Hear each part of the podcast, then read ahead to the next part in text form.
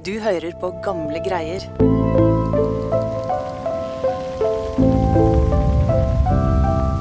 Året er 1020. Flere skip kommer seilende inn til Konghelle i Bohuslän på grensen mellom Norge og Sverige. Skipene er lastet med kostbare pelser, øl og vin og god mat. For det er ikke hvem som helst som kommer seilende.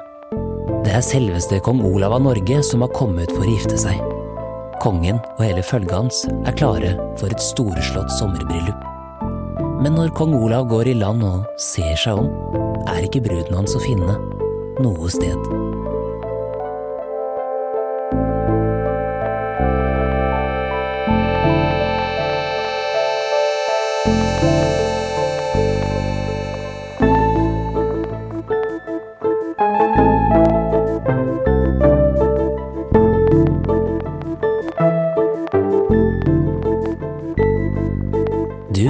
Gamle greier, en historiepodkast fra Nasjonalbiblioteket. Jeg heter Lars Hammeren Risberg.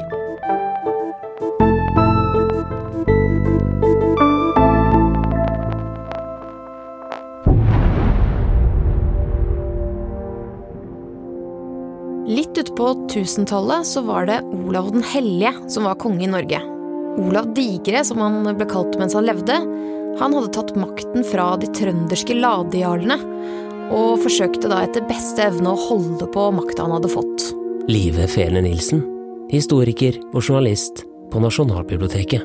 Men det var ikke så lett å holde seg på tronen, for det var langt fra alle i Norge som var fornøyde med kongen sin. Og ikke nok med at Olav hadde fiender i Norge, han hadde mektige fiender i utlandet også. Og det var en som ga han spesielt mye trøbbellivet, og det var svenskekongen Olof. Ja, svenskekongen hadde nemlig tidligere hatt kontroll over deler av Norge før Olav ble konge. Og han var ikke så fornøyd med å ha mista disse områdene til Olav.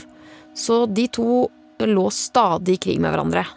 Og det begynte folk på begge sider av grensen å bli ganske lei av. Men i 1020, da Olav hadde styrt Norge i fem år, så fikk han en idé som kunne bringe fred mellom de to en gang for alle. Og hva slags idé var det, Livet? Jo, det var nemlig én ganske vanlig måte å slutte fred på, nemlig å inngå ekteskapsavtaler.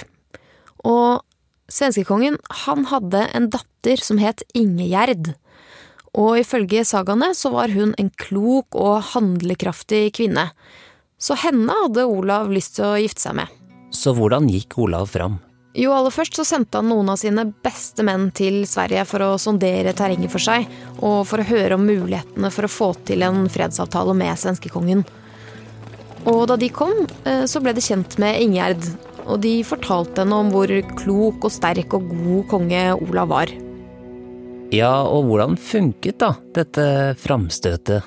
Jo, hvis vi skal tro på Snorre Sturlasons kongesagaer, da, så syntes Ingjerd at Olav hørtes ut som en veldig bra kar, og absolutt en som hun kunne tenke seg å gifte seg med.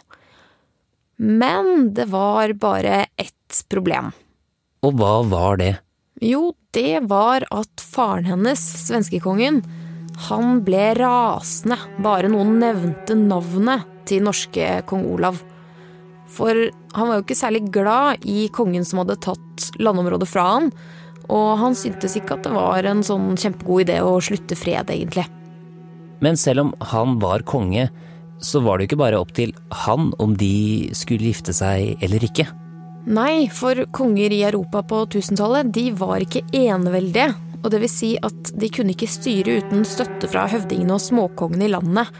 Og akkurat som at Olav var avhengig av å holde jarler og stormenn på godsida for å holde på makta i landet sitt, så var svenskekongen avhengig av det samme i Sverige. Og det var ganske mange svenske stormenn som ville ha fred med Norge. Så da Olavs sendebud kom til hoffet til svenskekongen og begynte å snakke med stormennene, så gikk de sammen om å foreslå dette ekteskapet. Og selv om kongen ikke likte det, så ble han da overtalt til å si ja til ekteskapet. Så sommeren 1020 så tok Olav med seg en hel masse av de viktigste folka sine og satte seil mot kong Helle, som da lå på grensen til Sverige den gangen.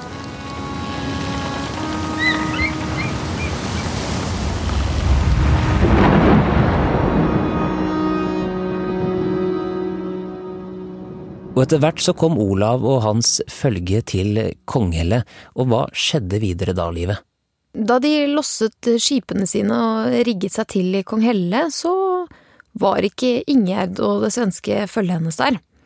Men en sånn reise kunne jo ta ganske lang tid, og mye kunne skje på veien, sånn at eh, Olav tenkte nok at hun kom til å komme etter hvert. Så han slo seg til ro for å vente på bruden sin.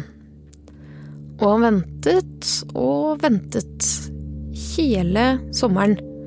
Men Ingjerd, hun kom aldri. Nei, for i mellomtiden var det noe som hadde skjedd borte i Sverige. Ja, for mens Olav gjorde seg klar til bryllupet sitt, så satt svenskekongen på tronen sin i Sverige og gnisset sikkert tennene i frustrasjon over denne planlagte alliansen. Men så skjedde det at det kom et helt spesielt besøk til svenskekongen.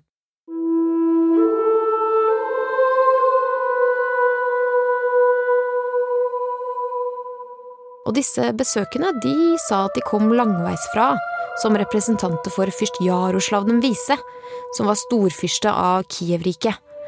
Og det var det riket som vikingene kalte for Garda, seinere Gardariket.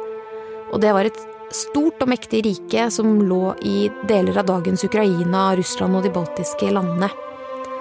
Og Jaroslav han syntes også at Ingjerd virket som en ganske interessant brud. Og det var det disse utsendingene hans kom til svenskekongen for å foreslå. Altså et ekteskap mellom Jaroslav og Ingjerd.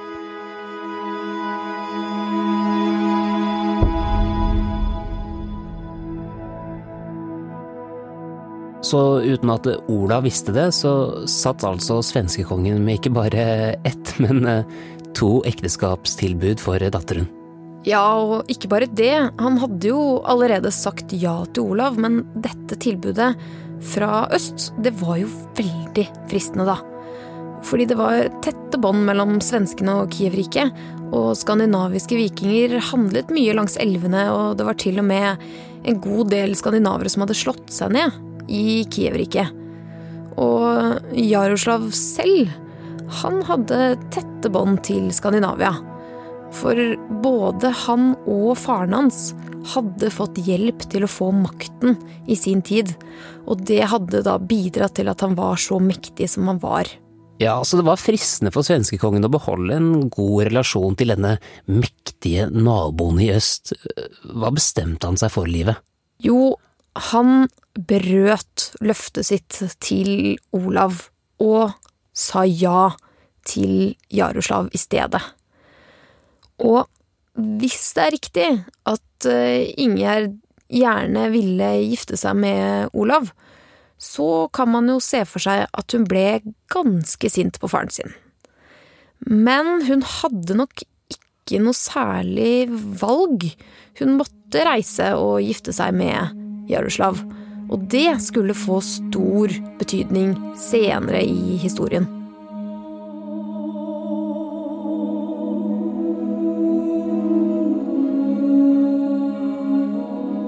For hva syntes Olav om at forlovelsen mellom dem ble brutt på denne måten? Olav ble skikkelig forbanna. Han hadde jo venta hele sommeren på Ingjerd. Og da sommeren var på hell, så fikk han nyheten om at hun var på vei for å gifte seg med Jaroslav. Og da var det jo ikke så mye annet å gjøre da enn å pakke sakene sine igjen og seile tilbake. Og ifølge en av de aller tidligste sagaene vi har, så var Olav såpass skuffa over dette og følte så mye skam at han ville være mye alene. Men eh, en dag da han lå der eh, aleine på loftet og sturte, da, så kom det plutselig en kvinne inn i rommet.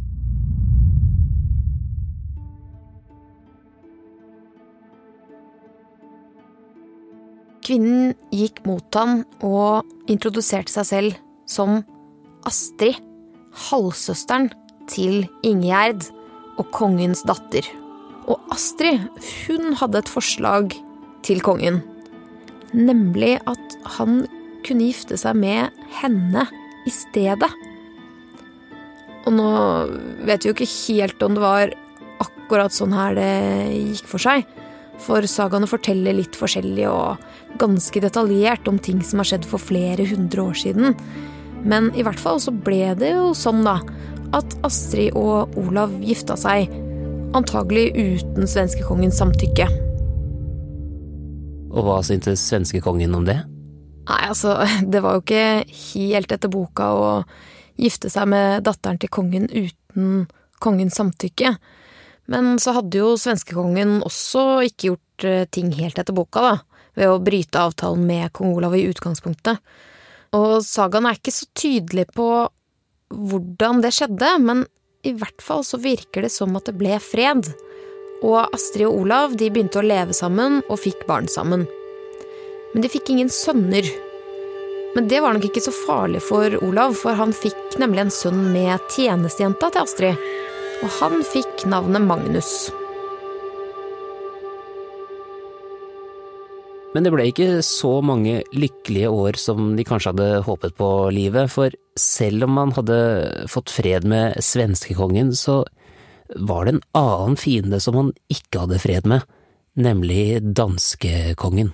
Ja, og han var en farlig mann å ha som fiende. For han var ikke bare konge av Danmark, men av England også. Og han var så mektig at han fikk tilnavnet Knut den mektige.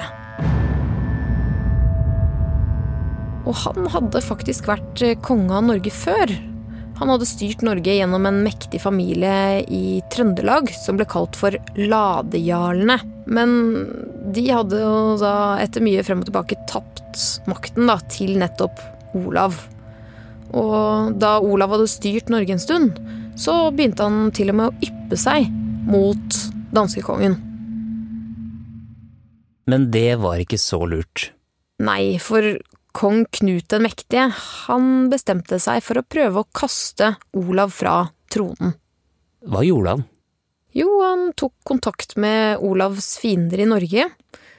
For det var nemlig en del i Norge som ikke likte Olav, og syntes at han styrte med ganske hard hånd. Og noen av disse var jo da blant annet disse ladejarlene som Olav hadde tatt makten fra mange år tidligere. Så da de fikk tilbud fra danskekongen og fikk eh, bestikkelser i form av skatter og gaver, så, så var ikke de så veldig vonde å be. Og i 1028 så samlet danskekongen en kjempestor flåte og seilte den mot Norge.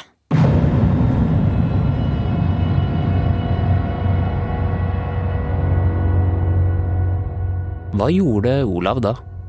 Olav visste at det var mange høvdinger langs kysten som eh, støttet danskekongen. Og han visste at han levde farlig. Så da måtte han bestemme seg. Skulle han prøve å kjempe imot den mektige danskekongen og hans allierte? Eller skulle han flykte og redde sitt eget skinn? Det må jo ha vært en veldig dramatisk avgjørelse å skulle ta? Ja, det var jo praktisk talt vinn eller forsvinn. Og mens danskekongen seilte inn og ble mottatt av sine allierte og hyllet som konge, så bestemte Olav seg.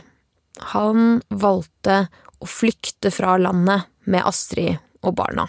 Men så var jo spørsmålet, da, hvor skulle de dra hen?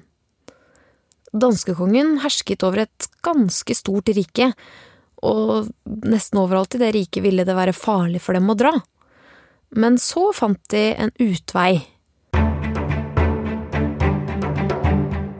I Sverige så var det nå broren til Astrid som styrte.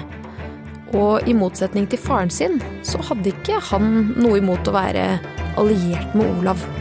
Så Olav og familien satte kursen østover mot Sverige.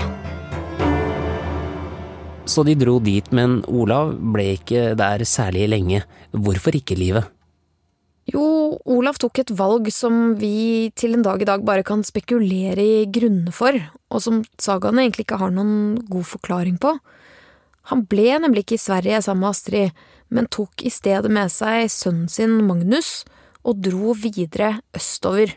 Og sånn hadde det seg at eh, Ingegjerd, Olavs gamle flamme, en dag kunne skimte seilene på et skip som kom nedover elva til Novgorod, som var en av de store byene i Garda, i, som ligger i dagens Russland. Og på det skipet var altså ekskongen, som hun hadde vært forlovet med for flere år siden, og som nå var gift med søsteren hennes.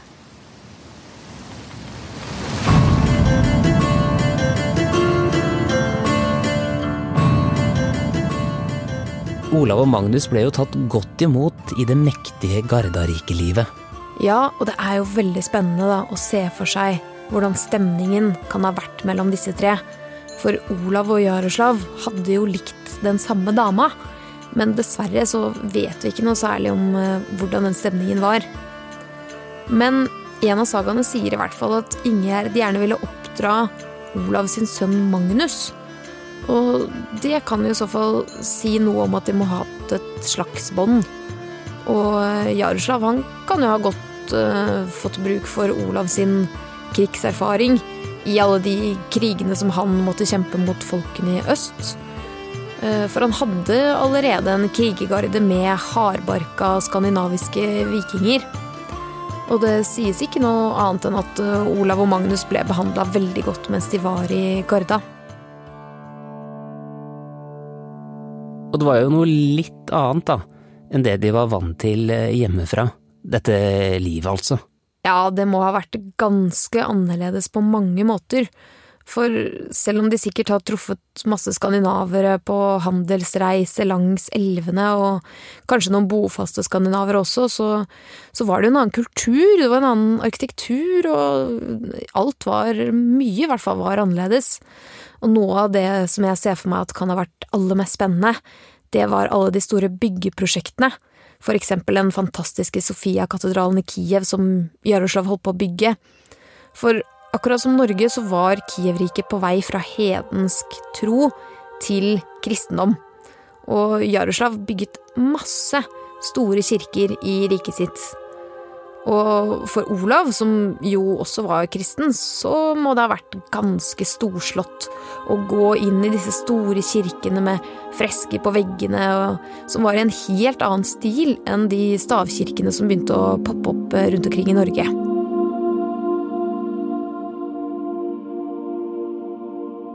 Men noe tyder på at dette nye, fine livet ikke var nok.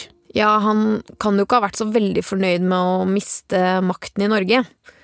Og han har jo helt sikkert lurt på hva det er han skal bruke resten av livet sitt på, da, nå som han eh, ikke lenger var konge.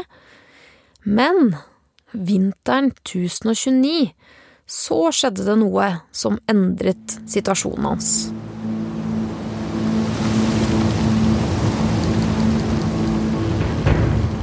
En kald vinterdag kom det et skip seilende nedover elva. Og de om bord hadde kommet langveisfra, helt fra Norge. Og en av de var Olavs betrodde mann som het Bjørn. Og han hadde en veldig viktig beskjed til ekskongen. Og han kunne fortelle at eh, ladejarlen som styrte Norge på vegne av danskekongen, var død.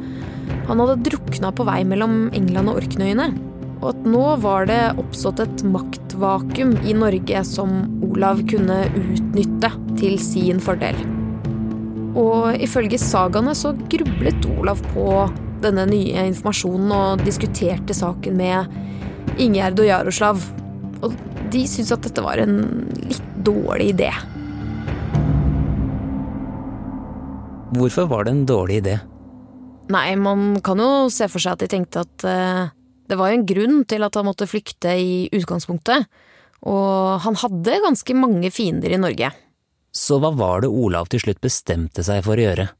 Han bestemte seg for å gjøre ett siste forsøk på å ta tilbake makten i Norge. Så han begynte å planlegge gjenerobringen, og bestemte seg da for å prøve å samle støtte til en hær på veien hjem. Men før han gikk om bord i båten, så leverte han sønnen Magnus til Ingjerd og Jaroslav og ba dem om å ta godt vare på gutten mens han var borte. Og etter en lang reise med skip og deretter gjennom Sverige, så krysset Olav grensen inn til Trøndelag og var endelig tilbake på norsk jord.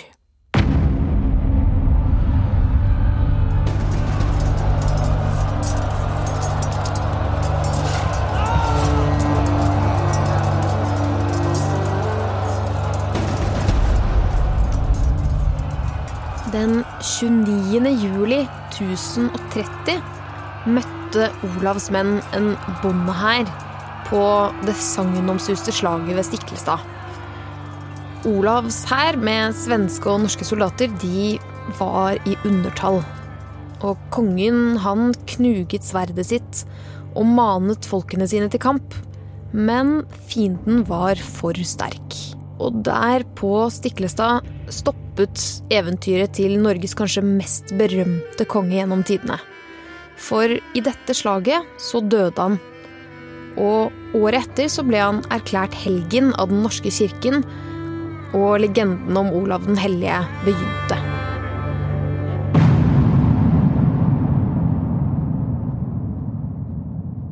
Men det var ikke slutten på historien likevel. Nei, for det var én viktig person som klarte å rømme fra slaget på Stiklestad. Nemlig lillebroren til Olav den hellige. 15 år gamle Harald.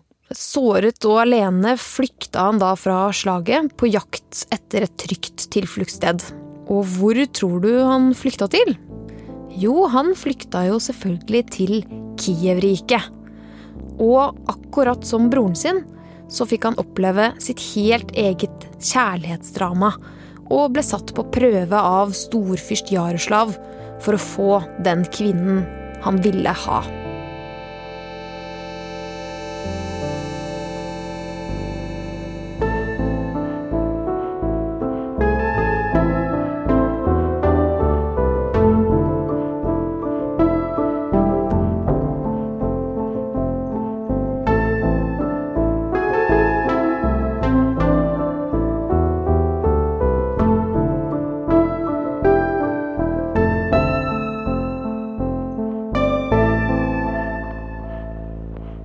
Du har hørt musikk fra Epidemic Sound og Therese Aune. Du finner mer av Thereses Aune musikk på thereseaune.com, eller der du strømmer musikk til vanlig. Mitt navn er Lars Hammeren Risberg. På gjenhør.